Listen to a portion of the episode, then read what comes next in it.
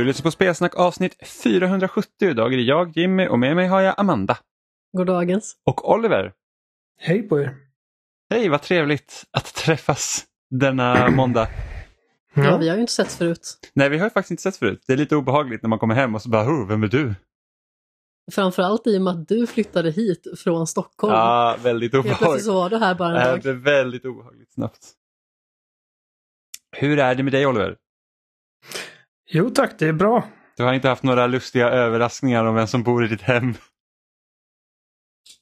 Uh, ska jag fatta vad det är? Du bara tittar på William och bara vad i helvete, vem är du? Jaha, varje dag. Varje dag, ja. Det blir lätt så. Uh, jag är extra fattig för att jag har gått och köpt glasögon. Jaså, har du haft dålig syn? Uh, jag har dålig syn på ett öga, jag har ett brytningsfel.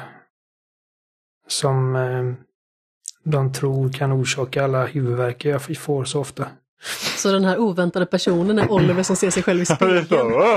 mm. Vad har hänt? Vad är det här för ny spännande människa? Ja, eh, Men det gick ju på typ 6 och, eller 5 och 6.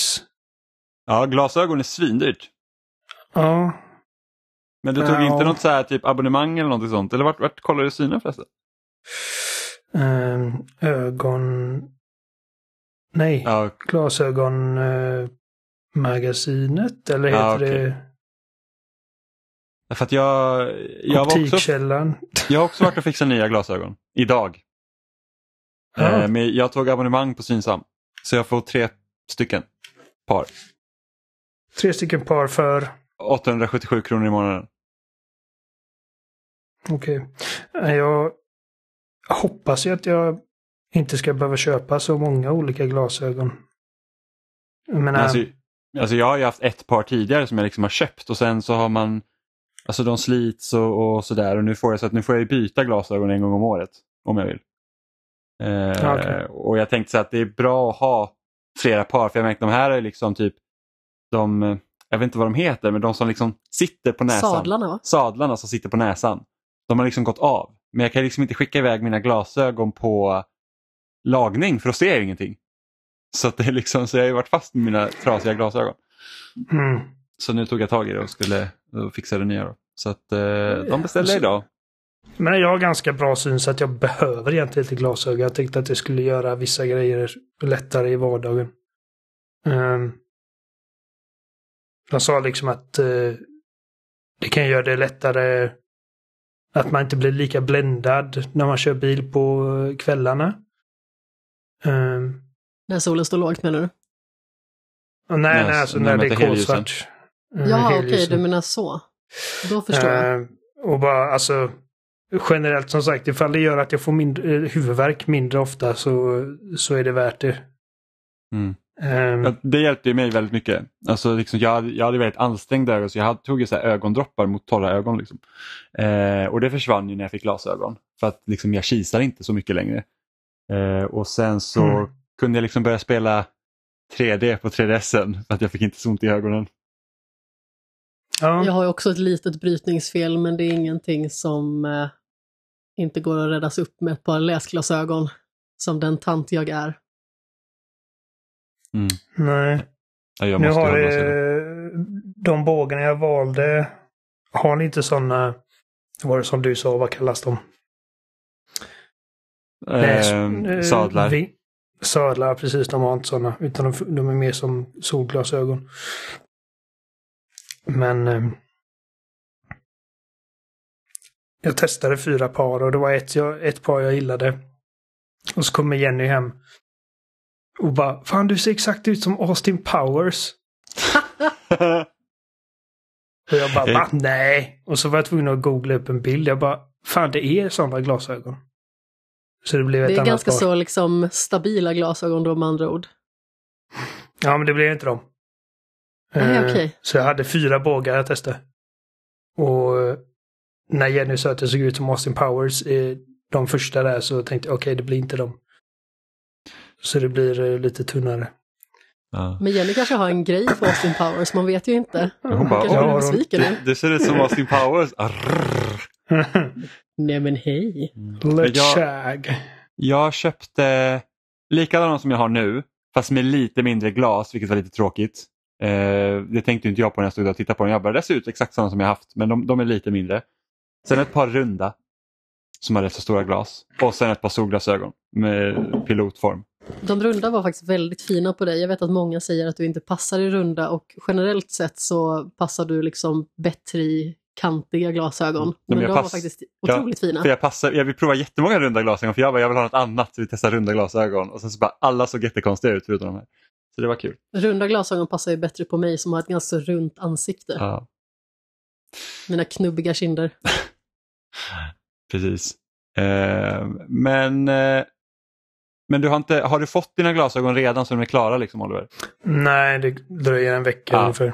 Ja, precis. Eh, för då, då kanske det kommer liksom kännas helt annorlunda sen när ni spelar VR, eller du spelar VR med glasögon, liksom, att man kanske inte blir lika trött. Eh. Det, det var alltså största anledningen till att jag faktiskt gick och testade synen. Jaså? Eh, ja, för att eh, när jag testade VR, jag bara sådär, ja, jag kan fan inte ens läsa den där texten i Resident Evil. Um, och, och, och optiken sa det att uh, det kan förbättra 3D-effekt och djupkänsla och sådana grejer. Ja, så men har det varit alltså, Ja, vad ska du säga Oliver? Nej, jag, jag, jag bara säga att jag, jag, vet inte liksom ifall det kommer göra någon skillnad, men jag hör folk snacka om PSVR som bara åh det är så jävla skarpt. Jag bara vette fan om jag tycker det är så jävla skarpt alltså. Det är skarpt Dina jämfört ögon med... som är oskarpa. ja men alltså det är skarpt jämfört med PSVR 1. Men alltså det är inte i närheten samma skärpa man har på en TV exempelvis. Nej. Det var ju verkligen när man, satt, när man liksom spelade Playstation VR 1 och bara satte på den där glasögonen man var så här jävlar vad ja. grötigt. Helvete. Ja. Men har det varit nu en vecka efter vi pratade om VR sist? Vad har du spelat Oliver? Um, ja, men för, förutom, vi pratade ju mest om Horizon sist, men jag har klarat Resident Evil 8. Och jag tycker verkligen att det är det, liksom det roligaste av, av VR-spelen. Det, det, funkar jättebra. Um, och eh, Gran Turismo 7 är också ett sånt spel som det, det blir liksom ett bättre spel med VR. Um, ehm, men jag har också spelat en del Thumper som, som jag har haft sen PSVR 1 kom men som jag liksom inte riktigt kom in i då och nu har jag liksom spelat mer och det, det är fan beroendeframkallande. Uh, och ju längre in man kommer desto roligare blir det. det. det. blir svårare också givetvis. Man dör och dör och dör. Men jävlar, man känner sig som kung när man får in eh, liksom flytet. Så Thumper är alltså det, det är liksom ett rytmbaserat uh, inte. Med lite men... skräckundertoner. Ja, alltså det, det, känns det, som man är typ på en sån här jävla väg till helvetet i princip. Ja, precis. Alltså det, det är en assault on the senses så att säga. Um, men eh, alltså Tänk typ, alltså liksom, det, man åker jättesnabbt på en bana. Man är alltså, man, man ser ut som en liten skalbagge. Det framgår inte riktigt var man är eller liksom det finns liksom ingen story eller någonting. Du bara, du bara åker på den här banan och det går jättesnabbt. Det känns som att man kör F-Zero nästan. Um, och du ska liksom dodga hinder i takt till musik och grejer. Och det, det är, eller musik, en rytm. Det är inte så mycket musik egentligen. Det är mest en Ljud. bit. Ja. Uh, och uh, bara liksom suggestiva, abstrakta ljudlandskap Väldigt bra spel. Um, jag testade No Man's Sky lite grann, men jävlar, jag, jag, fick, inte, jag fick inte det att kännas bra alltså. Okej, okay, varför inte det? Nu, nu testar jag det sittandes. Mm. Jag kanske borde testa det ståendes. Vad var det som inte funkade? Uh, men som uh, att styra skeppet är, det känns... Det kanske är liksom att jag inte har, för att jag bara hoppar in i creative mode bara för att känna på hur det känns att flyga det här skeppet. Mm. Och eh, mer eller mindre är det liksom att du har din... Eh, på vänster sida har du din throttle.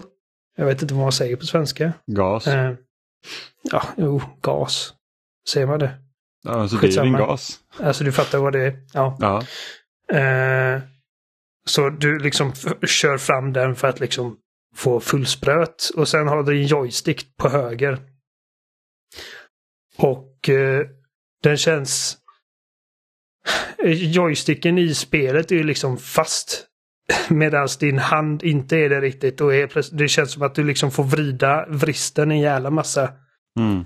För att få spaken att röra sig som du vill. Och, och, och sen också när jag satt så är det liksom att eh, jag liksom var nästan tvungen att köra ner nävarna i, i soffdynorna liksom för att nå spakarna. Eh, men, men, men jag ska sätta mig mer med det vid ett senare tillfälle och liksom faktiskt mm. ge det, för att jag spelade bara typ en kvart eller någonting. Åkte ja, runt och sköt det, det låter lite som att de har gjort om kontroll, för så funkar, vad jag vill minnas så funkar det inte med Playstation VR 1. Liksom, för, men då hade du ju heller inte liksom de typen av handkontroller som du har. Nej. Eh, för då var det ju Move liksom, så det fungerar lite, förmodligen lite annorlunda. Jag minns inte men jag kommer inte ihåg att jag hade något problem i alla fall med att nå och liksom kunna Alltså jag vill minnas att det var väldigt lätt att hoppa in i ett skepp och flyga iväg och det kändes häftigt. Det, alltså det är... Det, funktionsmässigt är det lätt. Liksom när man står utanför skeppet så är det bara typ en knapp för att hoppa in och sen så är det liksom du drar igång din throttle och du, och du styr med joysticken. Så att det är inte det att det är svårt, det är bara att det känns lite intuitivt. Nej, men fick du inte typ dra upp skeppsdörren och grejer? Uh, nej. Det har jag fan för Jag kanske hittar på jag. Fick jag fick göra det för att komma ut ur skeppet. Ja, det kanske är så det är. För jag vill komma ihåg att, att man öppnar in... luckan, hoppar in och sen så stänger man luckan och sen så ja, åker iväg. Jag vet inte, det kanske är... Alltså nu körde jag som sagt, jag bara hoppade in i creative mode. Uh, och det kanske är olika på olika skepp, jag har ingen aning. Så att jag, jag ska inte ge liksom ett ordentligt omdöme på det för att jag gav det 15 minuter innan jag liksom bara usch, jag, jag mår inte bra. jag var på att snurra runt i det hela, i det hela skeppet för att försöka få sikte på ett, en fiende. Uh, men uh, utöver det så har jag också börjat spela Pistol Whip och jävlar vilket coolt spel det är. Mm, så, så för de som inte kanske lyssnade förra veckan, så vad är, vad är Pistol Whip? Pistol Whip är en on-rails shooter uh, slash um, rytmbaserat musikspel där du ska liksom skjuta typ ansiktslösa goons på en väldigt färgglad bana i takt med väldigt flashig musik, typ pop. Mm. Uh, och det finns alltså, nu har jag spelat tre, fyra banor och det finns säkert liksom massa olika genrer för att det verkar finnas en jävla massa banor. Um, men så du har liksom en pistol i varje, i varje move-kontroll. Du kan välja att köra bara med en, men varför skulle man göra det? Um, man kör med två såklart. Och man rör sig automatiskt, så det enda du behöver göra är stå still och rörelse liksom är det för att du ska dodga kulor så de kommer mot dig Ungefär som i Superhot, liksom att du kan se kulorna komma. Mm. Uh, och du måste liksom väja undan när det kommer en pelare eller ducka när det kommer ett hinder. Så att alltså, jag hade velat spela det mer, jag spelade ett par timmar men alltså jag var helt dyngsur. för, för, att, liksom att, eftersom att spelets action är så liksom tight kopplat med musiken och takten. Så alltså det blir liksom som att jag står liksom och typ viftar på rumpan i, tak i takt med musiken. Eller typ stampar med benet. Mm. Um, liksom nästan dansar medan jag skjuter de här snubbarna. Och, Hur skulle du jämföra typ den fysiska ansträngningen med typ Beat Saber då? Jag, jag har faktiskt aldrig ägt Beat Saber. Har du um, spelat Beat Saber? Jag har testat det. Mm. Och jag tror att... Okej, okay, så, så jag har spelat Beat Saber och jag, jag känner att, jag, att det här var mer fysiskt ansträngande än vad Beat Saber är. För att Beat Saber känns mer som att armarna rör sig mycket. Mm.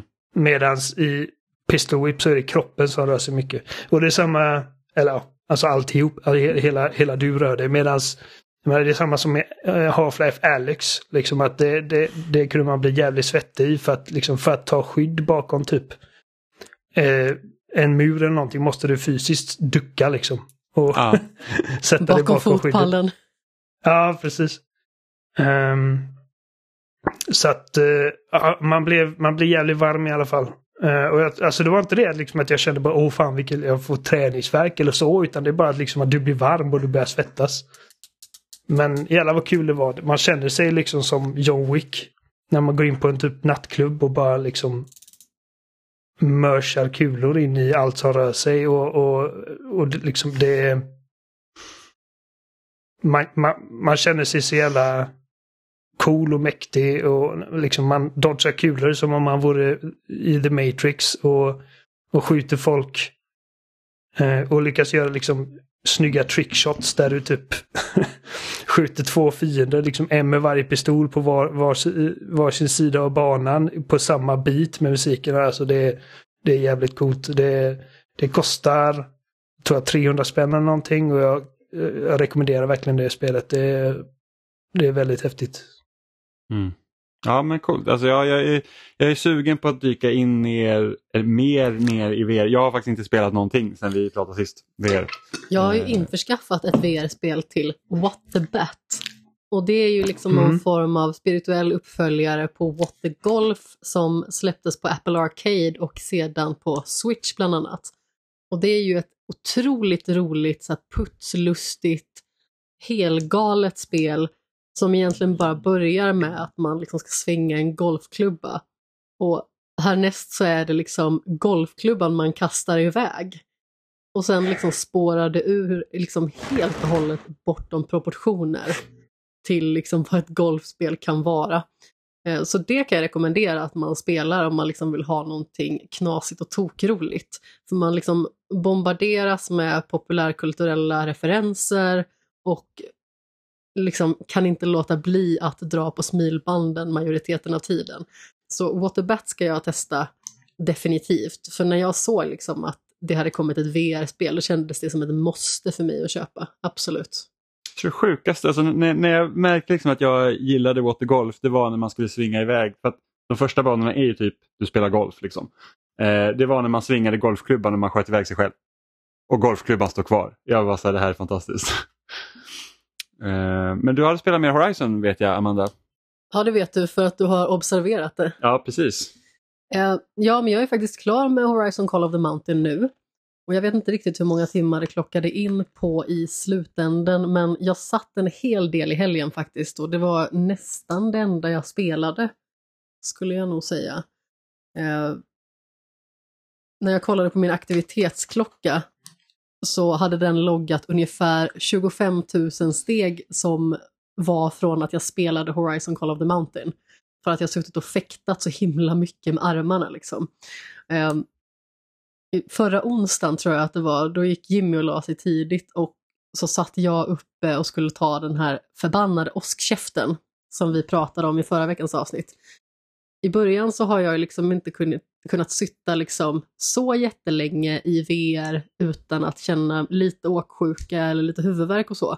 Men jag känner liksom att det börjar släppa mer och mer och att jag har liksom mer kontrollerade sessioner utan att bli liksom snurrig i bollen egentligen. Alltså det, det är någonting liksom jag känner att, att man... Mig. Precis, jag känner att det är någonting, liksom, man, man bygger upp en resistans mot det liksom. Så att om du är någon som, som verkligen, verkligen vill komma in i VR men känner liksom att du inte kan spela länge utan att bli åksjuk. Bara liksom ta korta sessioner och så liksom kommer du nog märka som jag gjorde liksom att eh, plötsligt så har du spelat en timme, två timmar och du mår fortfarande bra. Ja men precis, men jag tror ju att problemet för mig i början var också att jag hade ju liksom inte noterat den här skruvmekanismen som sitter liksom bak på hjälmen. Så att headsetet satt ju hela tiden lite löst på mig. Vilket mm. kanske inte gjorde mig några tjänster. Men sen när jag liksom har fått skruva fast det ordentligt, då blir det liksom att omgivningen är betydligt mer krispig hela tiden.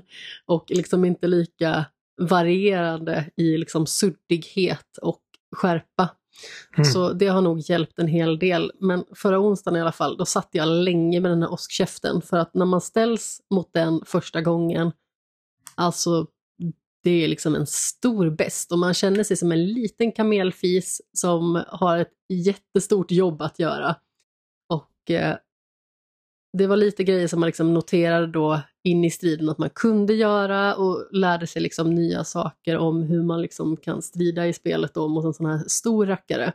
Tidigare har man ju liksom fått möta lite mindre varelser men här kände man sig verkligen så underlägsen men man kände sig svinhäftig när man tog den jäkeln i slutändan. Och jag satt ju liksom och kände att eh, jag var så tvungen att ta av mig min tjocktröja och vi har ganska så kallt i lägenheten just nu. Bara för att jag liksom hade suttit och fäktat så mycket mot den här åskkäften. Eh, och sen så har det liksom blivit lite mer strider och konfrontationer framförallt liksom med, med fiender. Vilket jag efterfrågade förra veckan för jag kände att det var så himla mycket klättra och det är fortfarande liksom övervikt på den här klättringsbiten. Men jag känner ändå att det är lite bättre avvägt senare i spelet för man får göra lite smygande och sådana saker också. Så det uppskattade jag väldigt mycket och alltså, som helhet så tycker jag ju som någon som verkligen älskar Horizon Zero Dawn och Forbidden West att det här liksom var en magisk upplevelse på sina sätt. Eh, det kanske inte är något av det absolut bästa jag spelat någonsin, men samtidigt kände jag att få vara i den här världen och få känna mig så häftig och bygga ihop alla de här attiraljerna som man behöver ha med sig för att kunna ta, an, ta sig an olika uppdrag och se liksom hur man eh, kontinuerligt får nya förmågor som man kan använda på olika sätt och sedan inkorporera dem i de olika miljöerna och så.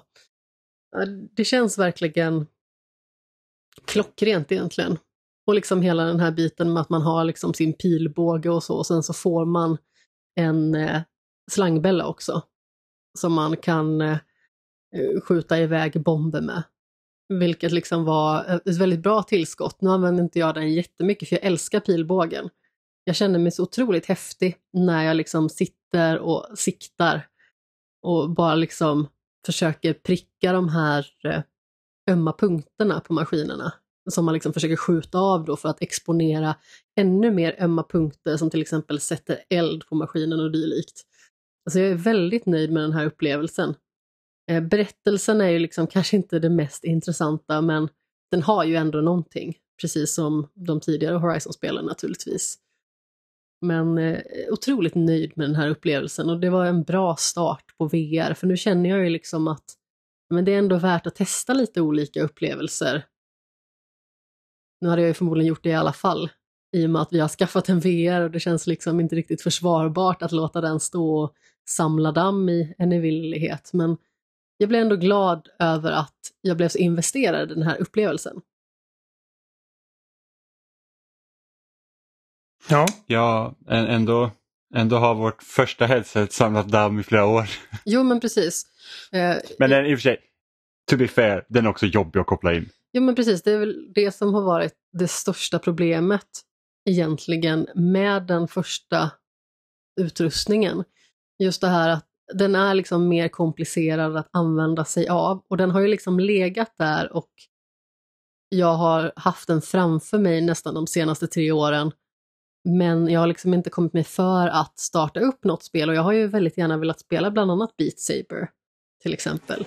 Men samtidigt har jag liksom känt att den ansträngning som går in i att koppla in sig och fixa och trixa det känns som att den kanske liksom inte är på samma nivå som belöningen som man får när man liksom väl har kopplat in den. Det känns kanske som att ansträngningen är för stor helt enkelt, för övermäktig. Och så ska man hitta de där jäkla mini-USB eller mikro-USB-sladdarna till Move-kontrollerna som antagligen är urladdade. Och det, ja, en hel, hel grej.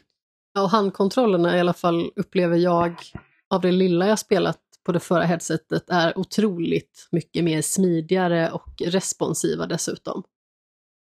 Jag hade ganska så svårt, i alla fall när vi spelade The Impatient, att få de här kontrollerna att fungera. Ja, det berodde också lite på uh, ljuset. Hur, vad var ja, det för exakt. ljus i rummet och sådär. För jag kommer ihåg när jag spelade No Man's Sky i VR, eh, då hade inte jag dragit för eh, eh, mina mörkläggningsgardiner i min lägenhet. Och, det, och, och, då kunde det liksom vara så att det lös in väldigt mycket sol. Så till slut så satte jag med huvudet åt 90 grader åt höger för att titta rakt fram.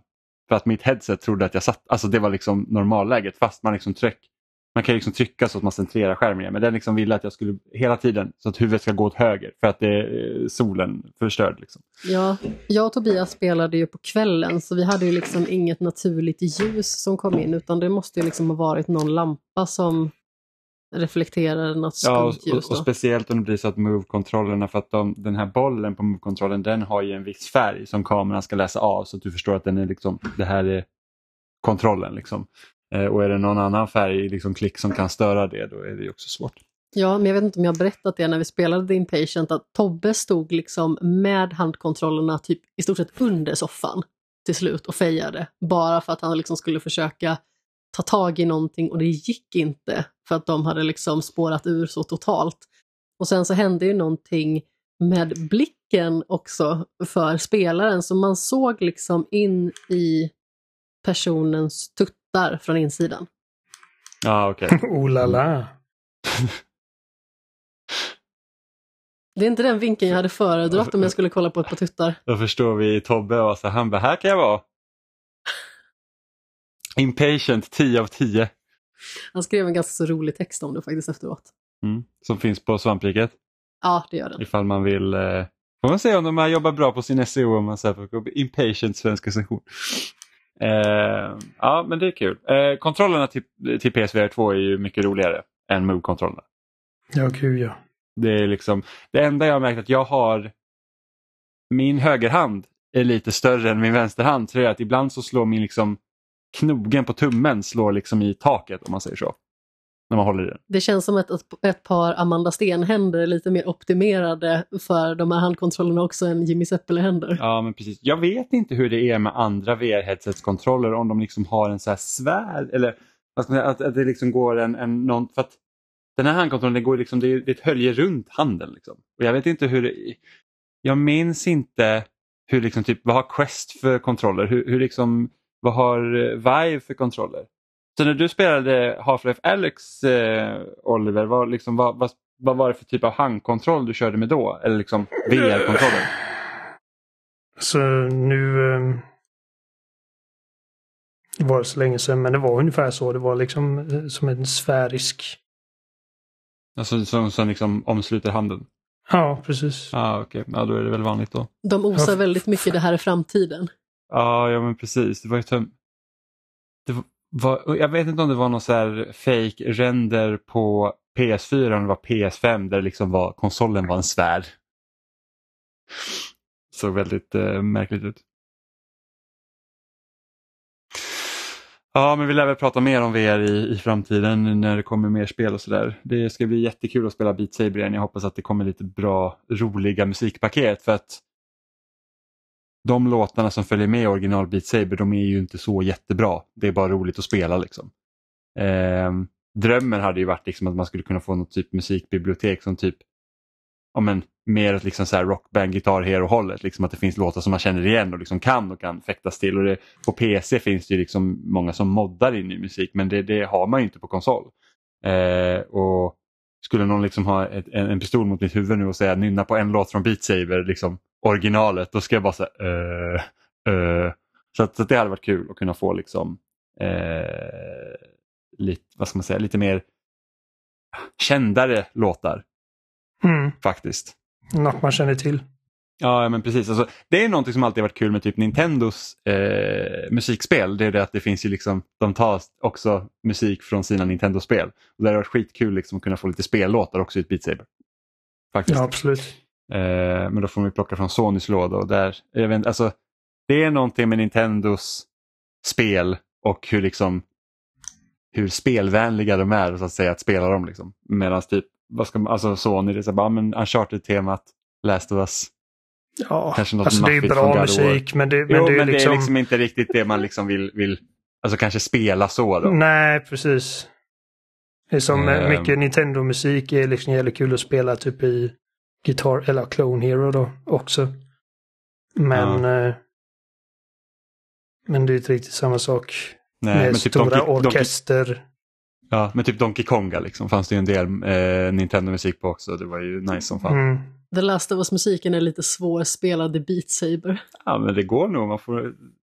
Ja, det på Allting låt. Går. hu huvudtemat, huvudtemat går ju, men sen så här typ någon annan. Så man bara, ja. Det är typ som man har någon, som i Rockband när man typ spelar någon Queen-låt och så är så här första slingan är typ bara piano och så spelar man Rockband 3 där det fanns en keyboard och så valde man den låten och spelade man typ bas och man bara mm, här får jag göra ingenting i typ två minuter.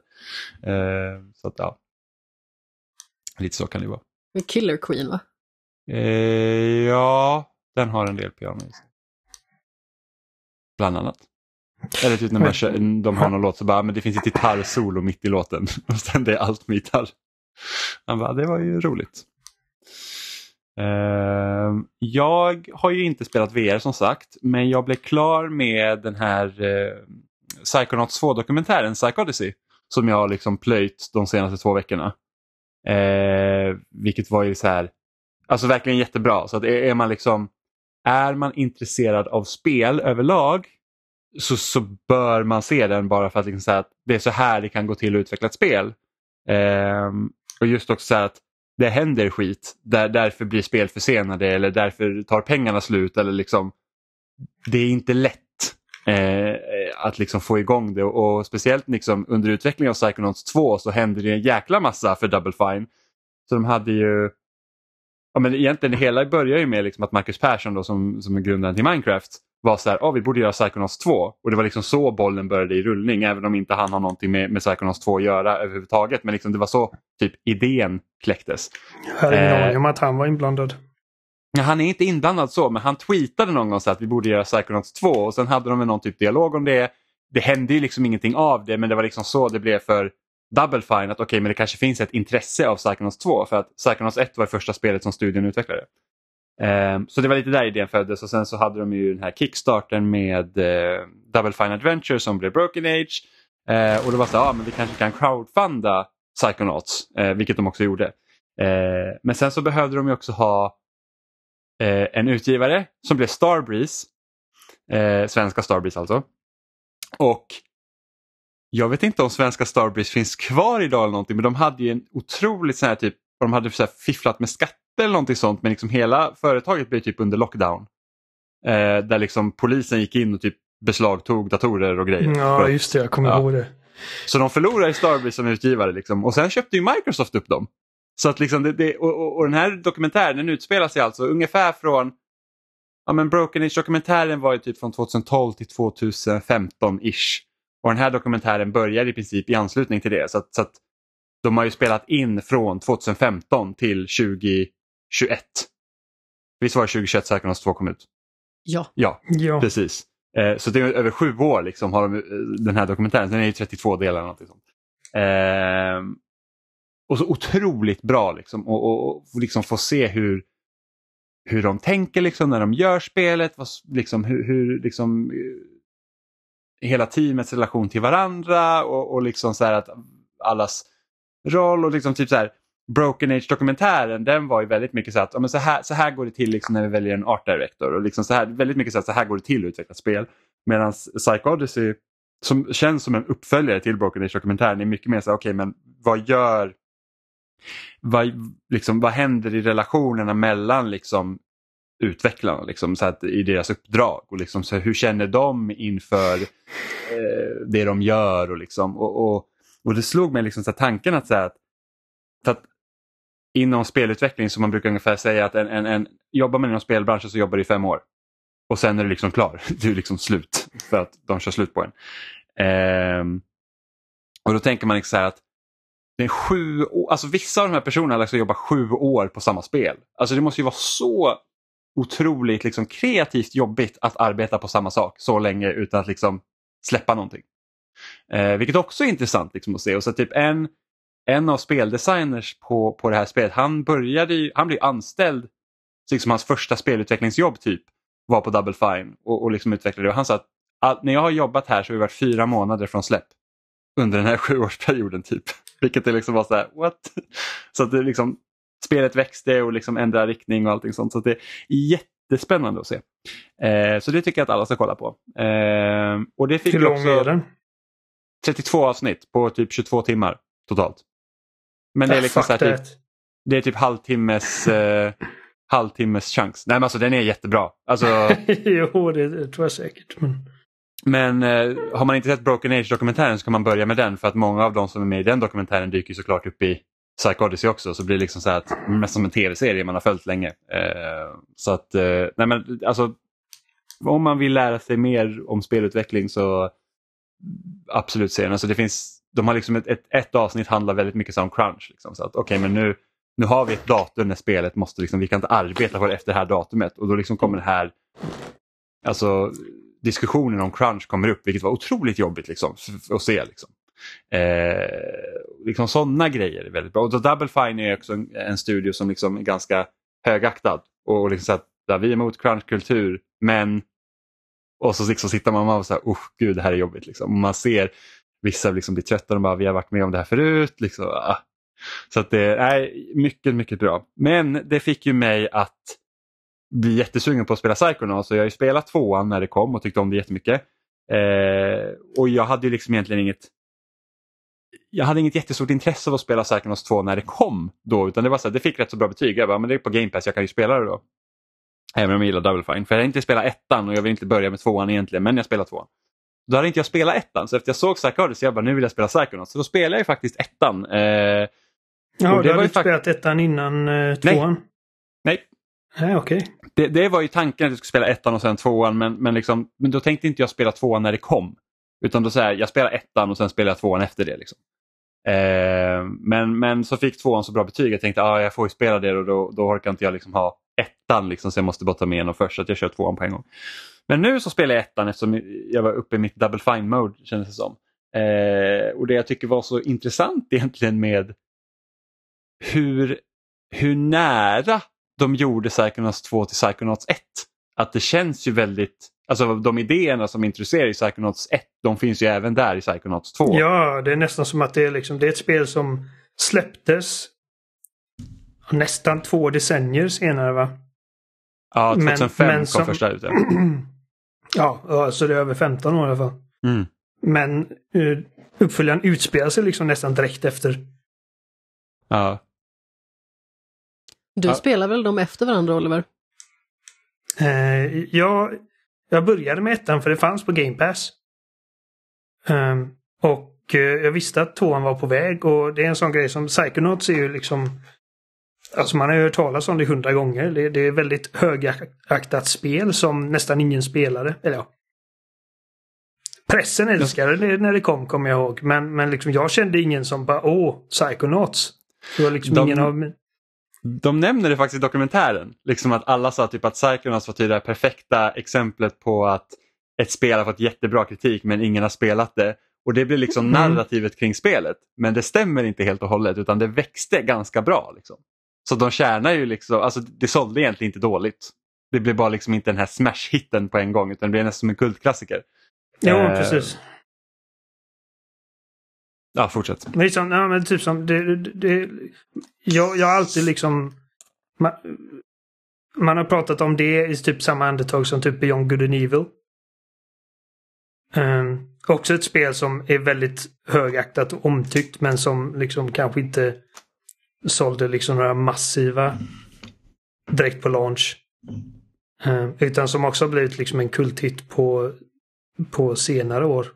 Eller med tiden. Mm. Och så vill jag Beyond Good and Evil 2 som inte är någonting alls likt detta. Ja, alltså jag, jag, jag, är ganska tveksam på om... Alltså ifall någon sätter, sätter liksom en pistol mot mitt huvud och säger att du måste liksom ditt liv hänger på, eh, på detta, liksom, denna vadslagning. Kommer Beyond Good Evil 2 faktiskt släppas eller inte så hade jag sagt nej. Ja, Beyond Good and Evil kommer inte släppas i det format som vi såg det i den demovisningen de visade på E3 för nu typ fem år sedan. 2017 vill jag minnas att det var. Ja. Hade precis börjat podda då. Och det är liksom det här jättestora typ oändliga världen som de vill bygga ihop av någon jävla anledning.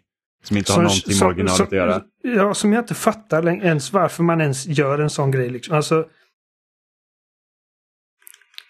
jag begriper äh, inte. Nej, jag vet liksom- inte heller. Alltså, det intressanta med Beyond Good and Evil det är det att hon är en eh, grävande journalist. Det är grejen. En, och hennes eh, partner är en talande gris. Ja, men liksom. precis. Men liksom, det, är det, det är det som är intressant. Det är det där jag tycker man kan bygga det unika. Och sen så bara, ja men vi har allt som är open world nu så vi ska typ göra, vi såg att No Man's Sky kom ut och hade typ en miljard planeter. Vi vill göra det. Beyond Good and Evil. Ja, och liksom ja. allting på Ubisoft är open world så vi måste liksom, vi kan inte bara göra eh, en vanlig open world. Det här måste vara en bokstavlig world.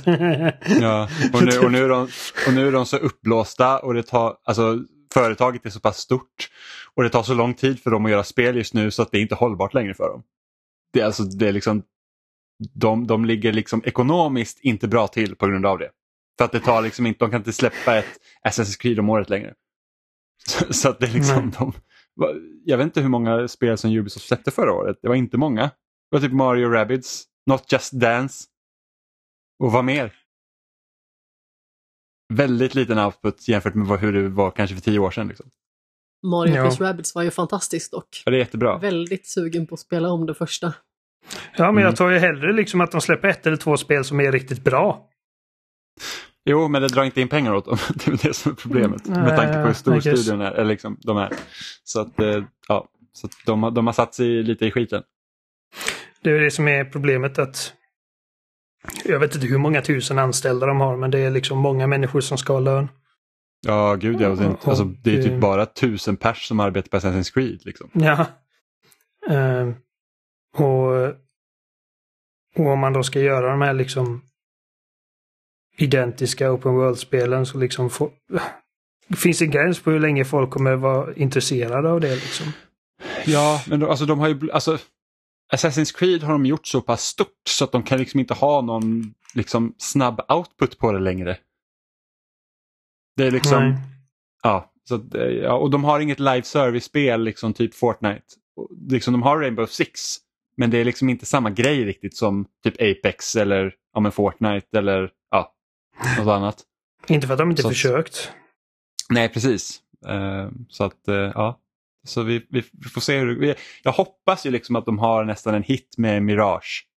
Som är det här mindre Assassin's Creed. Ja. Så att vi kan få, så vi kan liksom få så här att Assassin's Creed är inte mitt liv nu i ett halvår. Utan det är liksom, jag, jag är kanske klar på en vecka. Och bara wow, vilket spel! Ja, jag, jag, är, jag är faktiskt optimistisk inför Mirage. Mm. Och jag är lika likgiltig som vanligt. Ja, ja, men vi är fast i den här jävla soppan. Vi har följt den hela serien i snart 20 år. Ja, men jag känner mig också ganska lik. Det är, som, det är liksom som Call of Duty. Liksom jag köper dem på pliktkänsla nästan. Spelar dem och sen glömmer jag dem.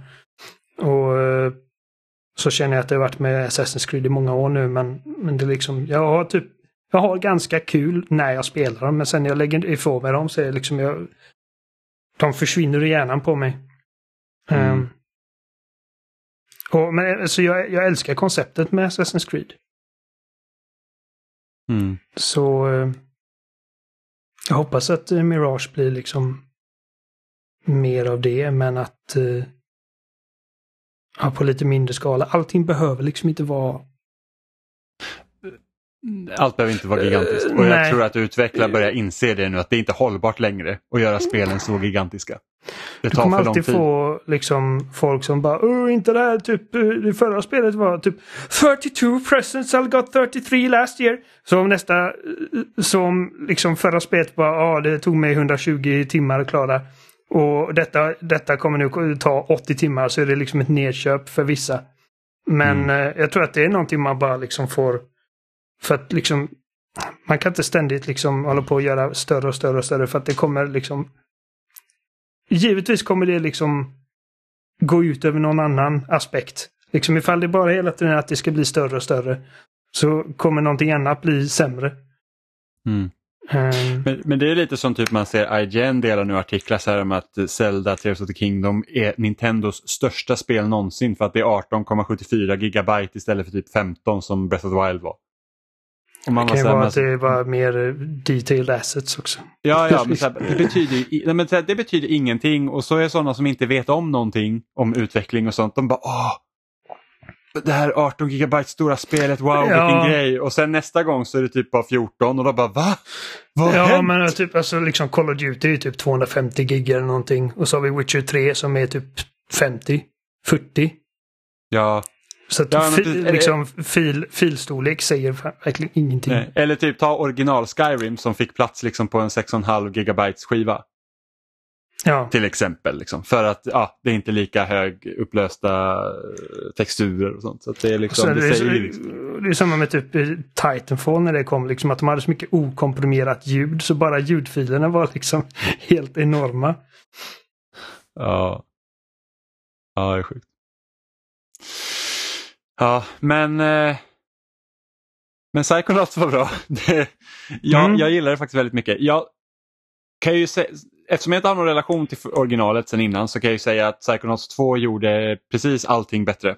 liksom ja, det, var, ja, ja. det var verkligen så här, att det är Psychonauts och det är verkligen skitbra.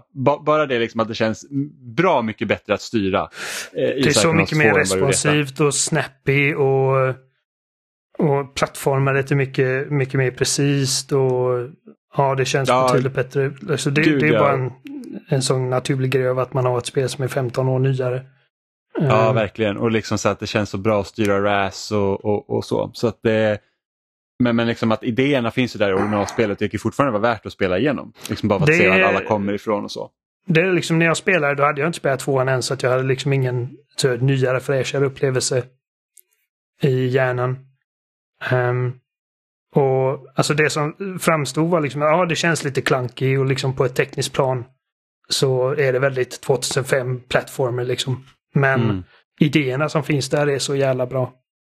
Ja, liksom där man, man hoppar in i folks psyken och de är banor liksom och att uh, den här snubben som är helt paranoid och hans psyke, hans bana är liksom typ det är folk med kikare överallt. Ungefär som oh, att han känner sig.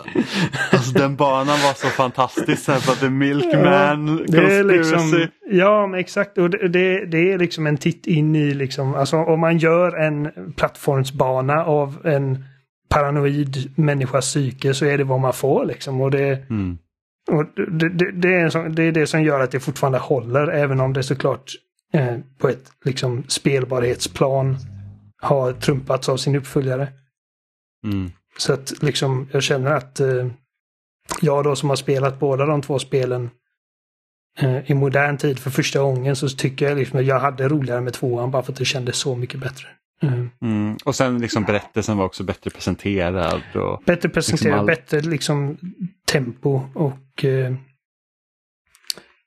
eh ja, Ja, det, det gör mm. allting bättre i princip. Men, men det är ändå ja. liksom svårt att inte vara helt liksom, alltså, jätteimponerad av kreativiteten även i det första spelet. För att det är någonting ja, som inte åldrats.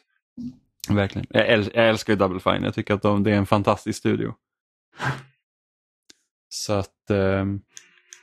Nej, det, det, det var ju det jag såg liksom så positivt när Microsoft köpte upp dem. Det var ju det här att de behöver inte liksom jaga pengarna längre på samma sätt.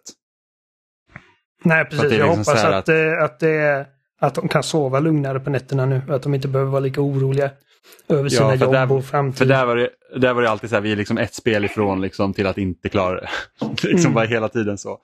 Eh, och det, det, märk, det märktes både i så här Double Fine Adventure-dokumentären om Broken Age och sen i Harry Psych Odyssey också. Det var liksom att okej, okay, men vi måste leta utgivare nu för att det är liksom, vi vill kunna betala ut löner. Det var ju typ det. Och det är typ så här, och vid ett tillfälle var det så här, okej, okay, men ni kanske måste liksom börja kolla er om efter andra jobb. För att vi vet inte om det går, kommer gå. Nej, och det, alltså, det är inte... kommer med sina krossade spargrisar till jobbet. Uh. Ja. Ja, men det, alltså, det, det, är så, det är så det är för många studios. Alltså ja, studion ja. jag jobbar för är liksom att vi, eh, vi är verkligen projekt till projekt. Och eh, vi har ingen aning om hur liksom nästa år eller nästnästa år kommer se ut. Och man kollar liksom på när jag pratar med många av mina kollegor liksom att de har varit på Starbreeze, de har varit på Green. De har varit på si och så, de, liksom, och ingen av de här ställena finns längre liksom. Nej. Nej, jag vet, det är sorgligt. Och det var ju, men det var ju en sak som var ganska, alltså, lite sorgligt när man såg dokumentär, för det, det är ju en, eh, en person som heter Greg Rice då, som jobbar på Playstation nu eh, och deras indiesprogram. Och han, hans jobb var ju att försöka hitta utgivare till det här spelet. Det var mm. liksom hela hans jobb. Och sen när Microsoft köpte upp dem, liksom en, en deal som han såg till också gick i lås. Han var typ den enda som liksom inte hade ett jobb kvar när den dealen var klar. Ja. Eh, för att det är så att han behövs inte längre. Och han sa det, han var och inte nog med det, för jag kommer ihåg när han utannonserade liksom att han inte skulle jobba klar på Double Fine. Och då visste man liksom inte riktigt varför då. Liksom, så att det var så bara, ah, ja men vad tråkigt liksom. Eh, och han bara, alltså jag hade, jag hade kunnat jobba här resten av mitt liv. Men eh, nu är det som det är. Finns det inget städjobb mitt, till mig? Nej men mitt jobb är inte kvar. Liksom. Eh, och det var bara så man var så här, åh fy vad hemskt. det var liksom, åh gud.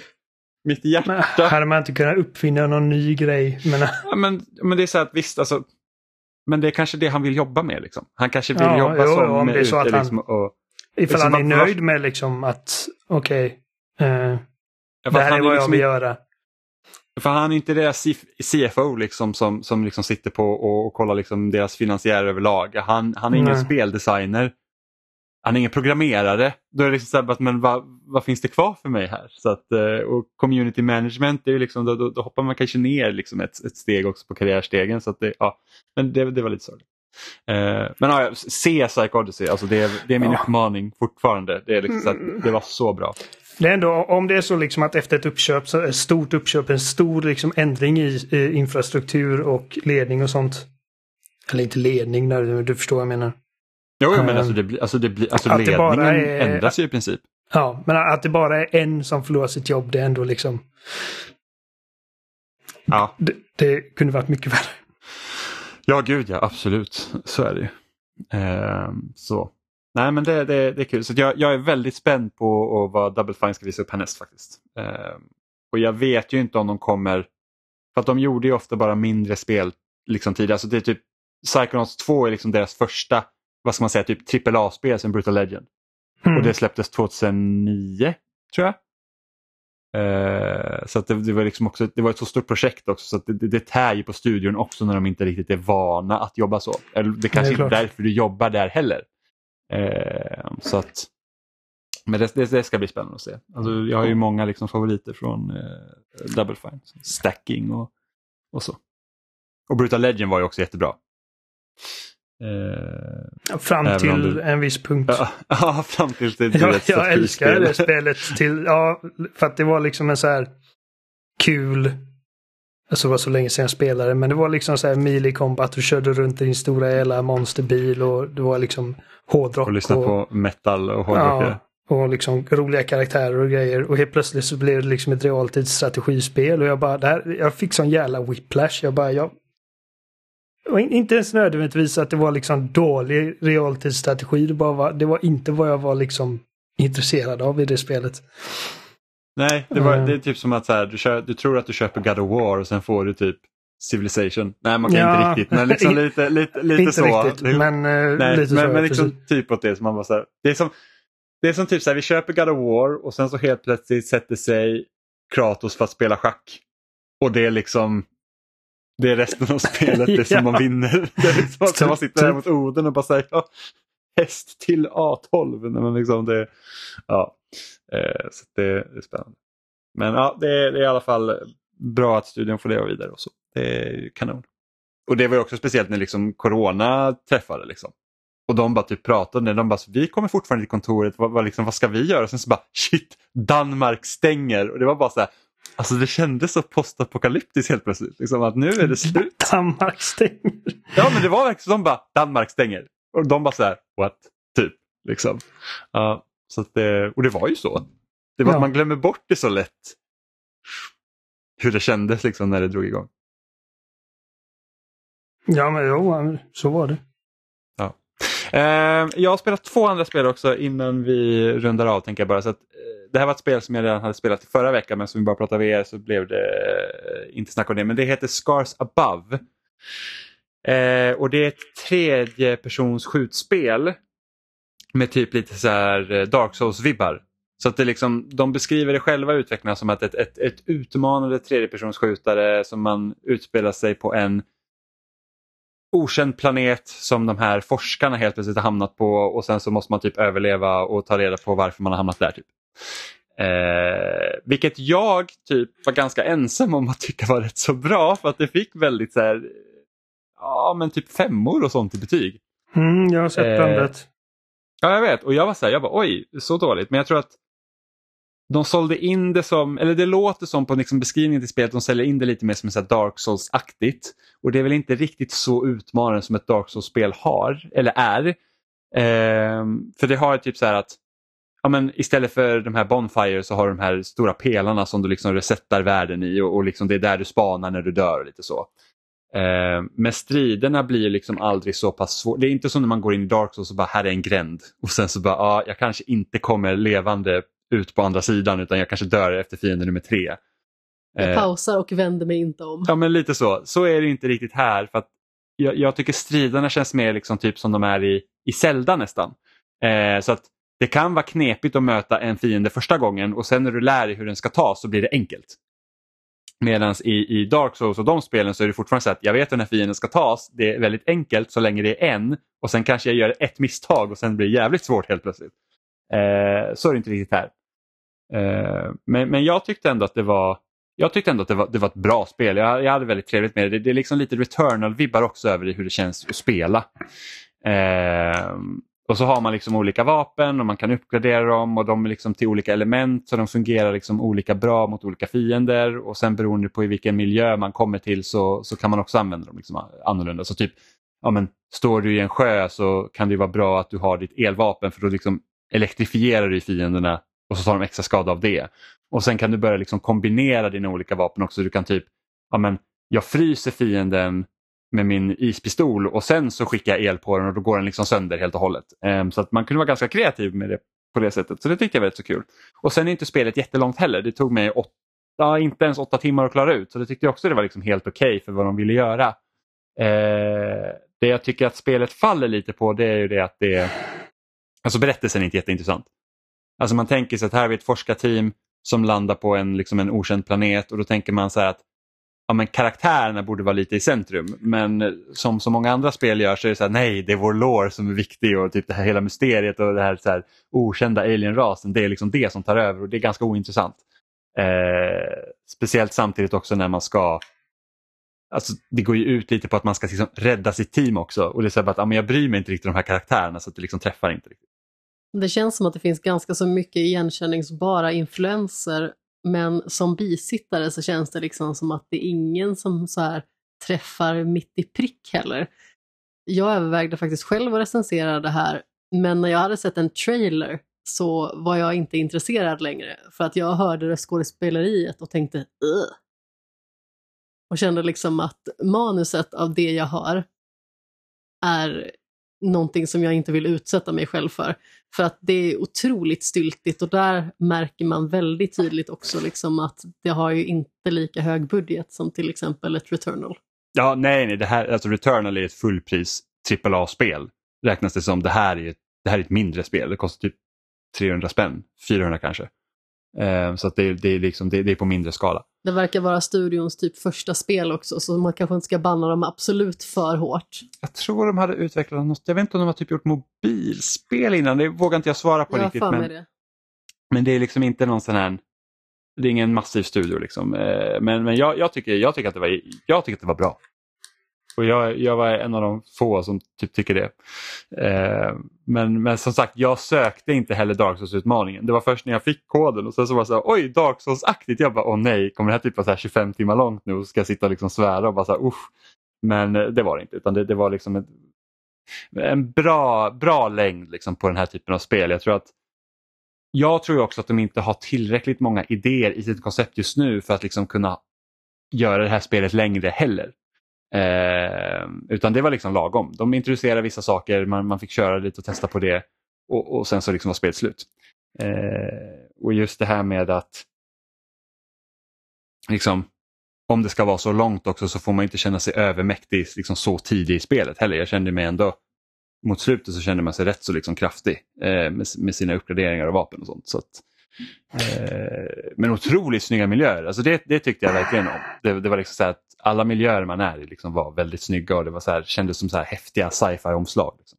Eh, så att, nej, jag, jag tyckte faktiskt att det, det, var, det var en fin överraskning för att jag, jag trodde inte att jag skulle gilla det så mycket som jag gjorde. Gillar du inte Hi-Fi Rush?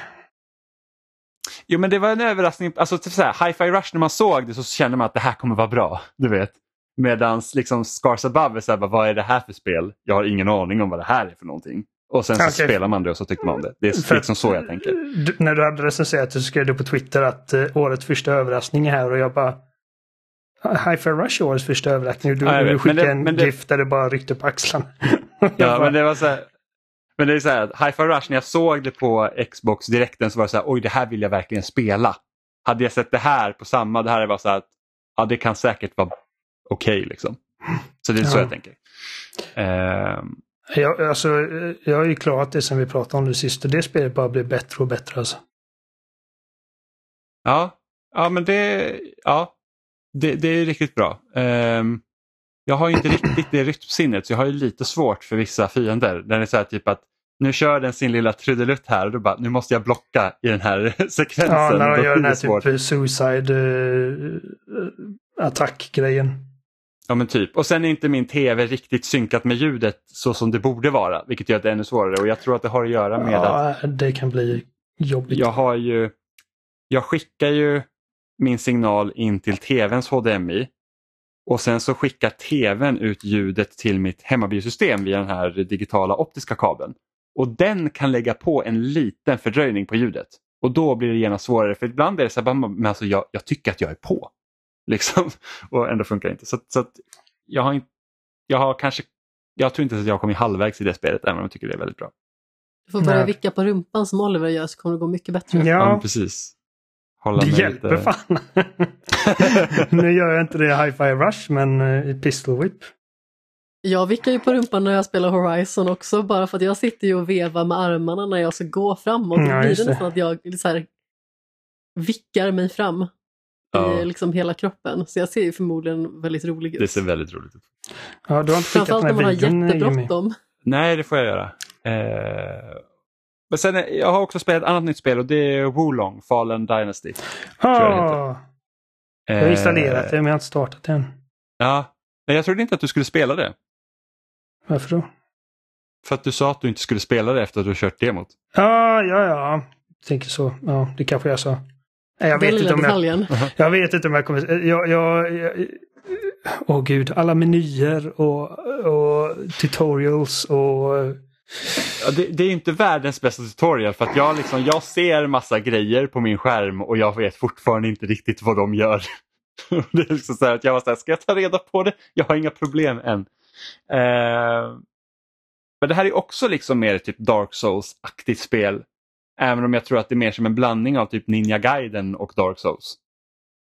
Säger jag som aldrig har spelat som, Ninja Gaiden. Men, så, men liksom det är så här... Har du spelat Nio? Nej det har jag inte. För det är typ det också. liksom. ah, okay. Men för det är liksom så här, är, du har ju relativt linjära banor.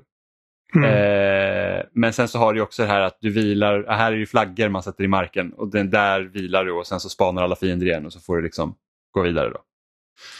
Eh, och så är det olika banor då, så det är ingen sammansatt värld utan det är så att ja, men nu är du klar med den här banan och tagit den bossen och sen går man vidare till nästa typ. Eh, och ja, det här spelet, liksom grejen med det här spelet är egentligen att du, du dodgar undan attacker för att liksom göra de här eh, liksom starkare attackerna egentligen. Så att fienderna de kan typ göra sin specialare så lyser de typ jättestort rött och så är typ om du dodgar då i rättan tid så gör du liksom din superattack och det är vissa bossar som jag liksom enbart liksom har, har klarat på grund av att jag har gjort det.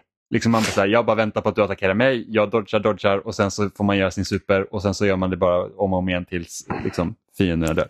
Jag har hört att eh, det är ett sånt spel likt Sekiro som liksom, det kräver att du lär dig att, att parera.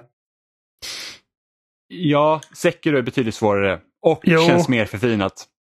Jo, jag också, eh... precis. Det, det, är typ det jag har hört att uh, Wolong är betydligt lättare än FromSoft-spel. Um, och det är inte lika bra som Sekiro. Men just det liksom att designmässigt så det är inte ett spel som ger dig samma frihet som Dark Souls i liksom din spelstil utan det kräver det begär att du lär dig liksom de här systemen.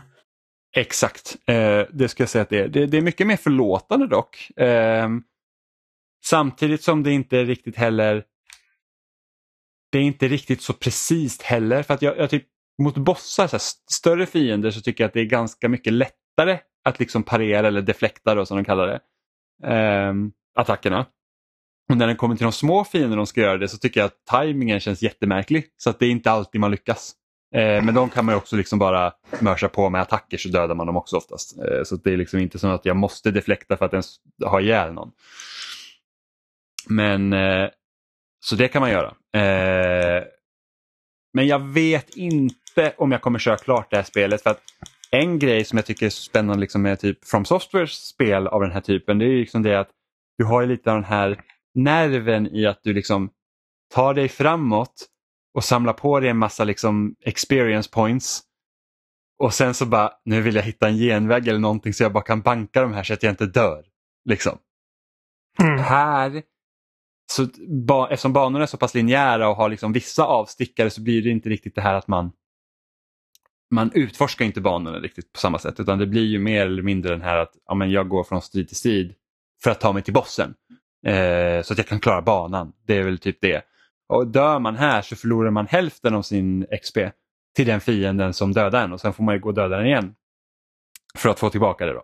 så att det, så det är så man liksom får, får tillbaka det hela. Men liksom det, jag, jag har inte varit med om någon att det känns liksom att jag känner mig stressad över att jag har en massa experience points på mig. Utan det, det går ganska, eftersom banorna är så små så går det hittills så går det ganska bra att liksom, okay, jag kan springa tillbaka eller så kanske jag hittar en ny flagga eh, nära då. Så att jag kan banka dem eller liknande. Eller så, så får man bara börja grinda då om man känner sig att fy fan att jag förlorar de här typ 5000. Då kan jag bara liksom börja bara mörda fienden som är nära och sen går jag och sätter mig i flaggan och sen går jag och dödar samma igen. Liksom. En grej som, uh, för att jag tycker när jag, jag recenserade Nio och jag gillar mm. ju liksom Dark Souls och Bloodborne. Um, så att liksom den är liksom, ja, det här är ju så här, man kan, Souls-likes som eh, fansen ja. brukar kalla det. och jag tror att en grej som verkligen eh, förhindrade min liksom eh, enjoyment av Nio var hur banorna var. Så att du har liksom ett bräde där du väljer banor. Och sen mm. när du har gjort en bana så kan du gå till nästa och sen så dyker det upp subbanor. Eh, ja, I de gamla. Här. Ja, för fan, jag gillar inte det. Nej, jag, jag var inte heller så förtjust i det, för jag, jag kollade någon sån här jag försökte bara liksom kolla typ någon sån här liten guide, bara så här, vilka bossar som finns. Och bara för att få lite tips så att jag inte fastnar. Eh, och så skulle jag gå till boss 5 tror jag. Och jag bara, fan, vadå den? Så bara, den här bossen har du typ mött förut så att använd samma taktik. Och jag bara, det här är en boss, jag har aldrig sett någon som gör de här attackerna förut, hur kan det vara det? Men då, har jag, då, då liksom räknar de med subbanorna som också har unika bossar. Som du inte har spelat. Här, som jag inte har spelat ännu för att jag har ju liksom, jag har inte valt någon bana för att storyn pinnar ju liksom på. Så att när jag var klar med den banan innan så kom jag direkt till den här banan. Jag har inte fått välja. Utan då får man gå till en sån här flagga och där kan jag liksom välja att resa till en annan bana. Eh, så då blir det liksom så här, jaha okej, okay. så, så bara, vill jag göra subbanorna liksom? Det är också så? Man, man ställer sig frågan, så att jag vet inte riktigt.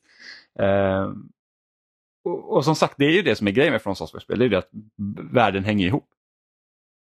Inte ja. Demon's då, men, men de, de andra. Eh, och det är liksom det här att man liksom helt plötsligt knyter dem in i varandra. Och man kommer, medan det här är ju liksom banor. Så det känns ju det känns nästan som en blandning av ett modernt spel som vi ofta spelen ser ut idag med typ ett spel från mitten av 2000-talet. Med liksom en väldigt tydlig bana man springer igenom. Jag hade egentligen haft, alltså, Ninja-guiden har ju banor men då är det liksom att du, du är på en bana, när du är klar med den så kommer nästa bana och de tvingar inte in det på sidospår. Och de försöker inte göra liksom ett pseudorollspel av det. Och jag tror att det är därför mm. liksom de här typ uh, sidouppdrag och uh, sublevels och grejer läggs till. För att det inte är liksom ett re regelrätt eller genom helt igenom actionspel. Alltså det, det har liksom rollspelselement. Mm. Um, och eh, liksom du går upp i level och bygger en attribut och all sån skit. Jag tror att det är lite svårare att göra i ett liksom strikt linjärt. Um, där du går från bana till bana till bana utan um, frihet liksom att ta sidospår. Mm. Alltså, som sagt, jag tycker Nio och även Wolong ser ut att ha liksom rent spelmekaniskt eh, ganska um, flashigt combat och liksom, det ser snyggt ut och det, det är betydligt mer i alla fall Nio är betydligt mer liksom, ska man säga, följsamt och snappy än, än vad From Software-spel är. Liksom där svärdhuggen kommer väldigt snabbt och liksom responsivt. Mm. Uh, som i Ninja-guiden och jag gillar det men uh, alltså jag hade velat se ett, ett, ett Team Ninja-spel som, som inte är liksom okej okay, vi försöker spela catch-up med, från software. Och, mm. och, att de liksom kanske gör något mer liksom um, inte nödvändigtvis cinematiskt men liksom något mer liksom ett actionäventyr med en klar början och ett klart slut. Jag hoppas att det är det de gör med, jag kommer inte ihåg vad det heter, men det andra spelet de inte annonserat som kom till Playstation. Där det såg ut som när man såg en, det var en flygmaskin eller någonting. Mm, jag uh, minns faktiskt inte. Någonting, uh, Rise of the Ronin kanske? Ja, just det, så hette det. Det är ju till och med jag nyfiken på. Oj, oj, oj. Ja, men alltså jag, jag älskar Ninja-guiden. Um, ett och två. Jag, jag, jag tror att du hade gillat det här spelet faktiskt. För att det okay. känns väldigt mycket som ett Oliver-spel och jag tycker att striderna är så kul. Eh, när man kommer liksom in i det och, och sätter sig in i det. Vi kan till och med kanske spela lite tillsammans också för det är ju co-op i det. Ja, ja men jag får sätta mig där. För jag kände liksom att när jag spelade demo så var det liksom inte att åh fan jag hatar kombatten eller vad jag hatar den här världen eller de här fienderna. Det är bara liksom att alla de här systemen eh, med liksom menyerna och de börjar snacka om moral och de börjar snacka om massa olika subsystem som påverkar saker och ting. Och, och jag bara, alltså jag orkar inte sätta mig in i detta. Så det är liksom alltså, jag, jag fattar typ ingenting heller men det är bara så här, jag bara går in och köttar lite med något svärd som jag hittat och bara puff, puff. det funkar bra så än så länge. Det, det, uh, ja. Nej, men, så men, men, det, det, är en tröskel man får ta sig över helt enkelt. Och det roligaste är att första bossen är den svåraste hittills. Jag har hört det. Liksom att, att alltså, folk... Först, alltså jag, jag okej, okay, den var inte så svår som jag tycker att folk har sagt att den är. De bara, det här är typ helt omöjligt. Och man bara, alltså, vilket typ från software-spel som helst när den första bossen bara kommer och typ halvt i halvt hugger ihjäl en. Bara titta på en. Ja men typ Father Gascoigne även om man kunde kisa honom ganska bra. Men det är liksom så att jag känner ju att de är mycket svårare. För att, men, men samtidigt så att eftersom det är så stort fokus på det här att dodga i det här spelet och det är så jag spelar från software-spelen. Jag tycker inte om att blocka för att jag är så dålig på att tajma. liksom, bara, nu slår han mm. och ska jag upp med min sköld och sen så misslyckas man. Och ändå tog du dig eh, igenom Sekiro.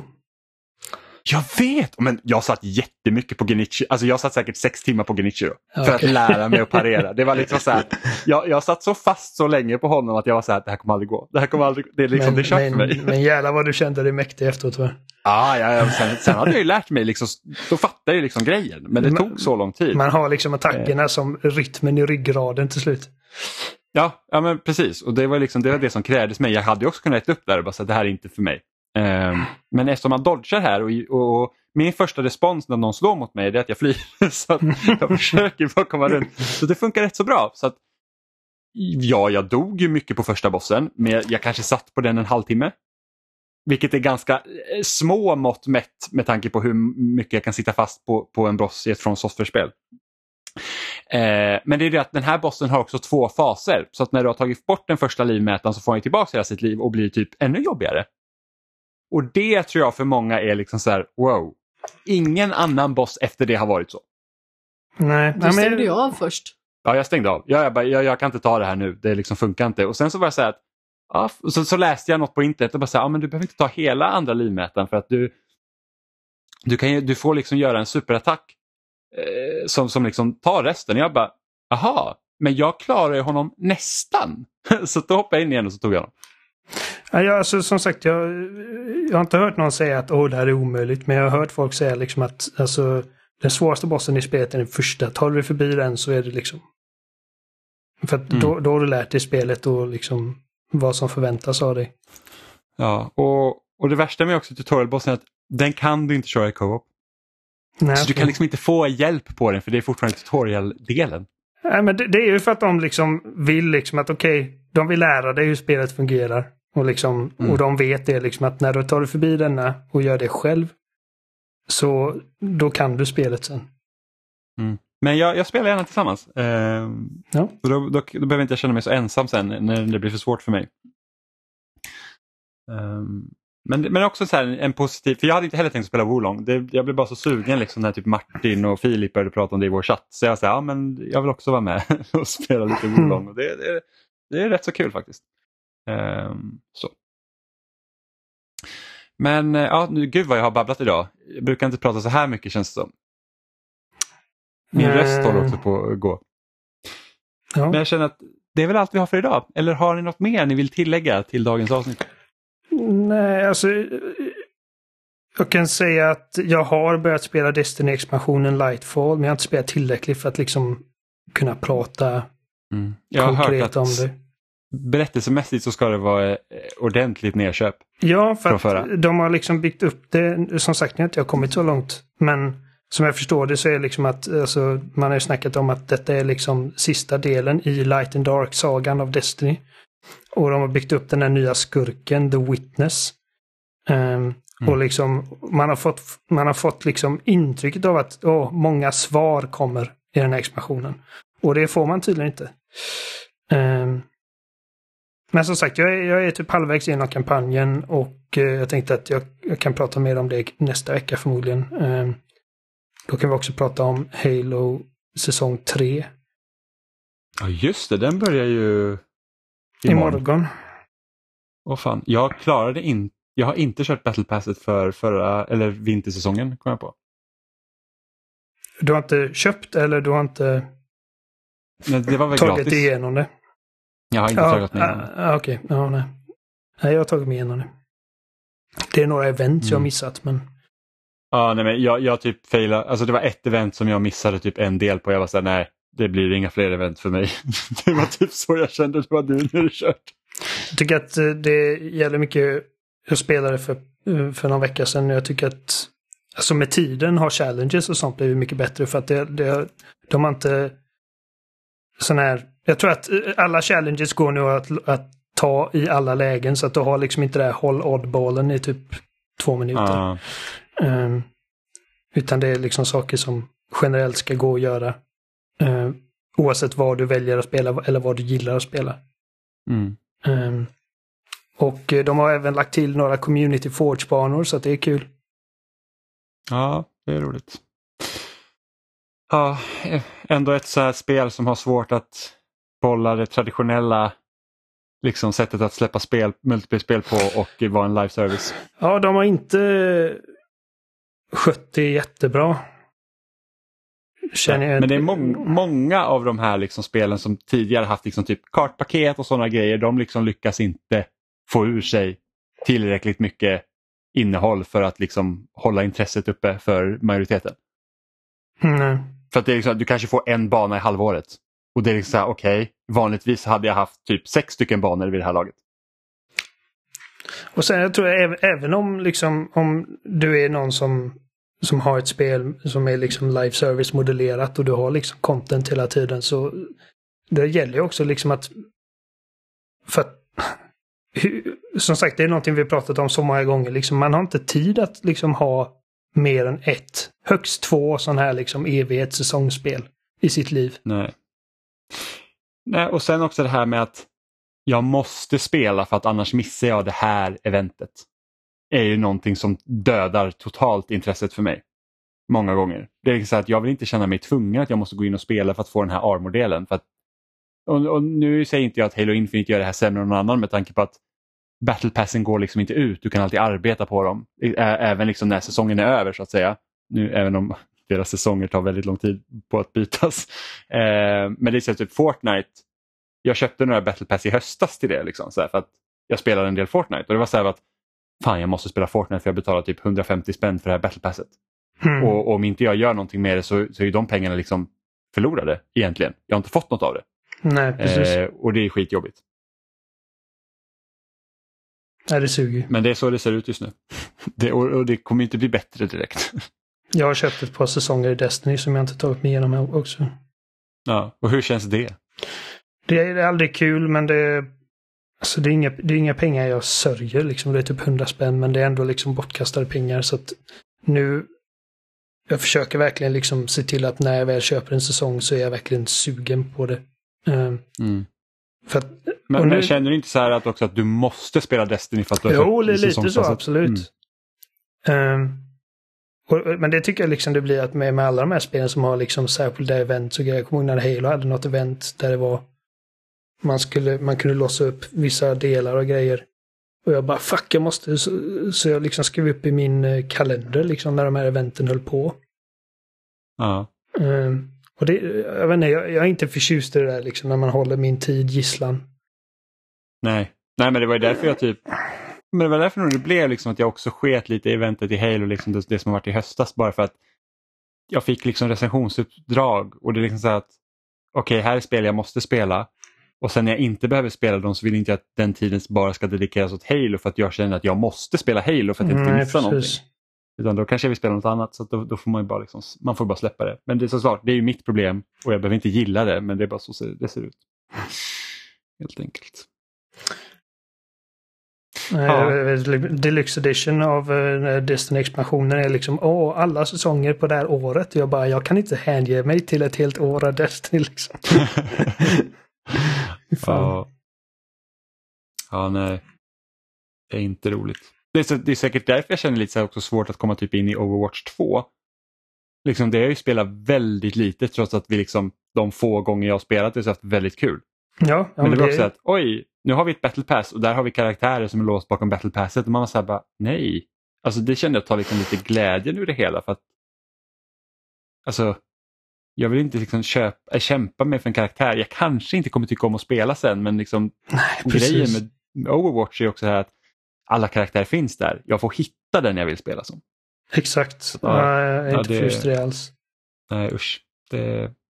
Vi är dinosaurier nu Oliver ja, när det kommer till online-spel. Mm, vi är, vi är verkligen det. de här som när vi spelade typ Call of Duty där i slutet av 2000-talet när alla bara så här single play-spel för jag växte upp med Link to the Past. Och vi typ så här bara, ah, vi kan köpa ett map pack till Modern Warfare 2, det är liksom yeah. heaven. Och nu är vi bara, uh, free to play. Battle passes och season passes. Uh, men vi har verkligen varit med om mycket konstigheter när det kommer till hur företag försöker liksom tjäna pengar på sina spel. Så, online pass och... Ja, aldrig glömma online passes alltså. Ja, det är nog det mest bizarra. Det dog ut ganska snabbt dock. Jo, men det är klart. Alltså det, det, det var klart det skulle dö ut. Hela liksom affären bara flyttas mer och mer åt det digitala hållet. Man bara, det här är ett icke-problem om några ja. år. Ja, ja det, det är så det är. Eh, men det var nog allt vi hade för den här onsdagen när ni lyssnar. Eh, ni hittar oss som vanligt på spelsnack.com och där finns också länkar till alla ställen som finns som Instagram, Facebook, Youtube.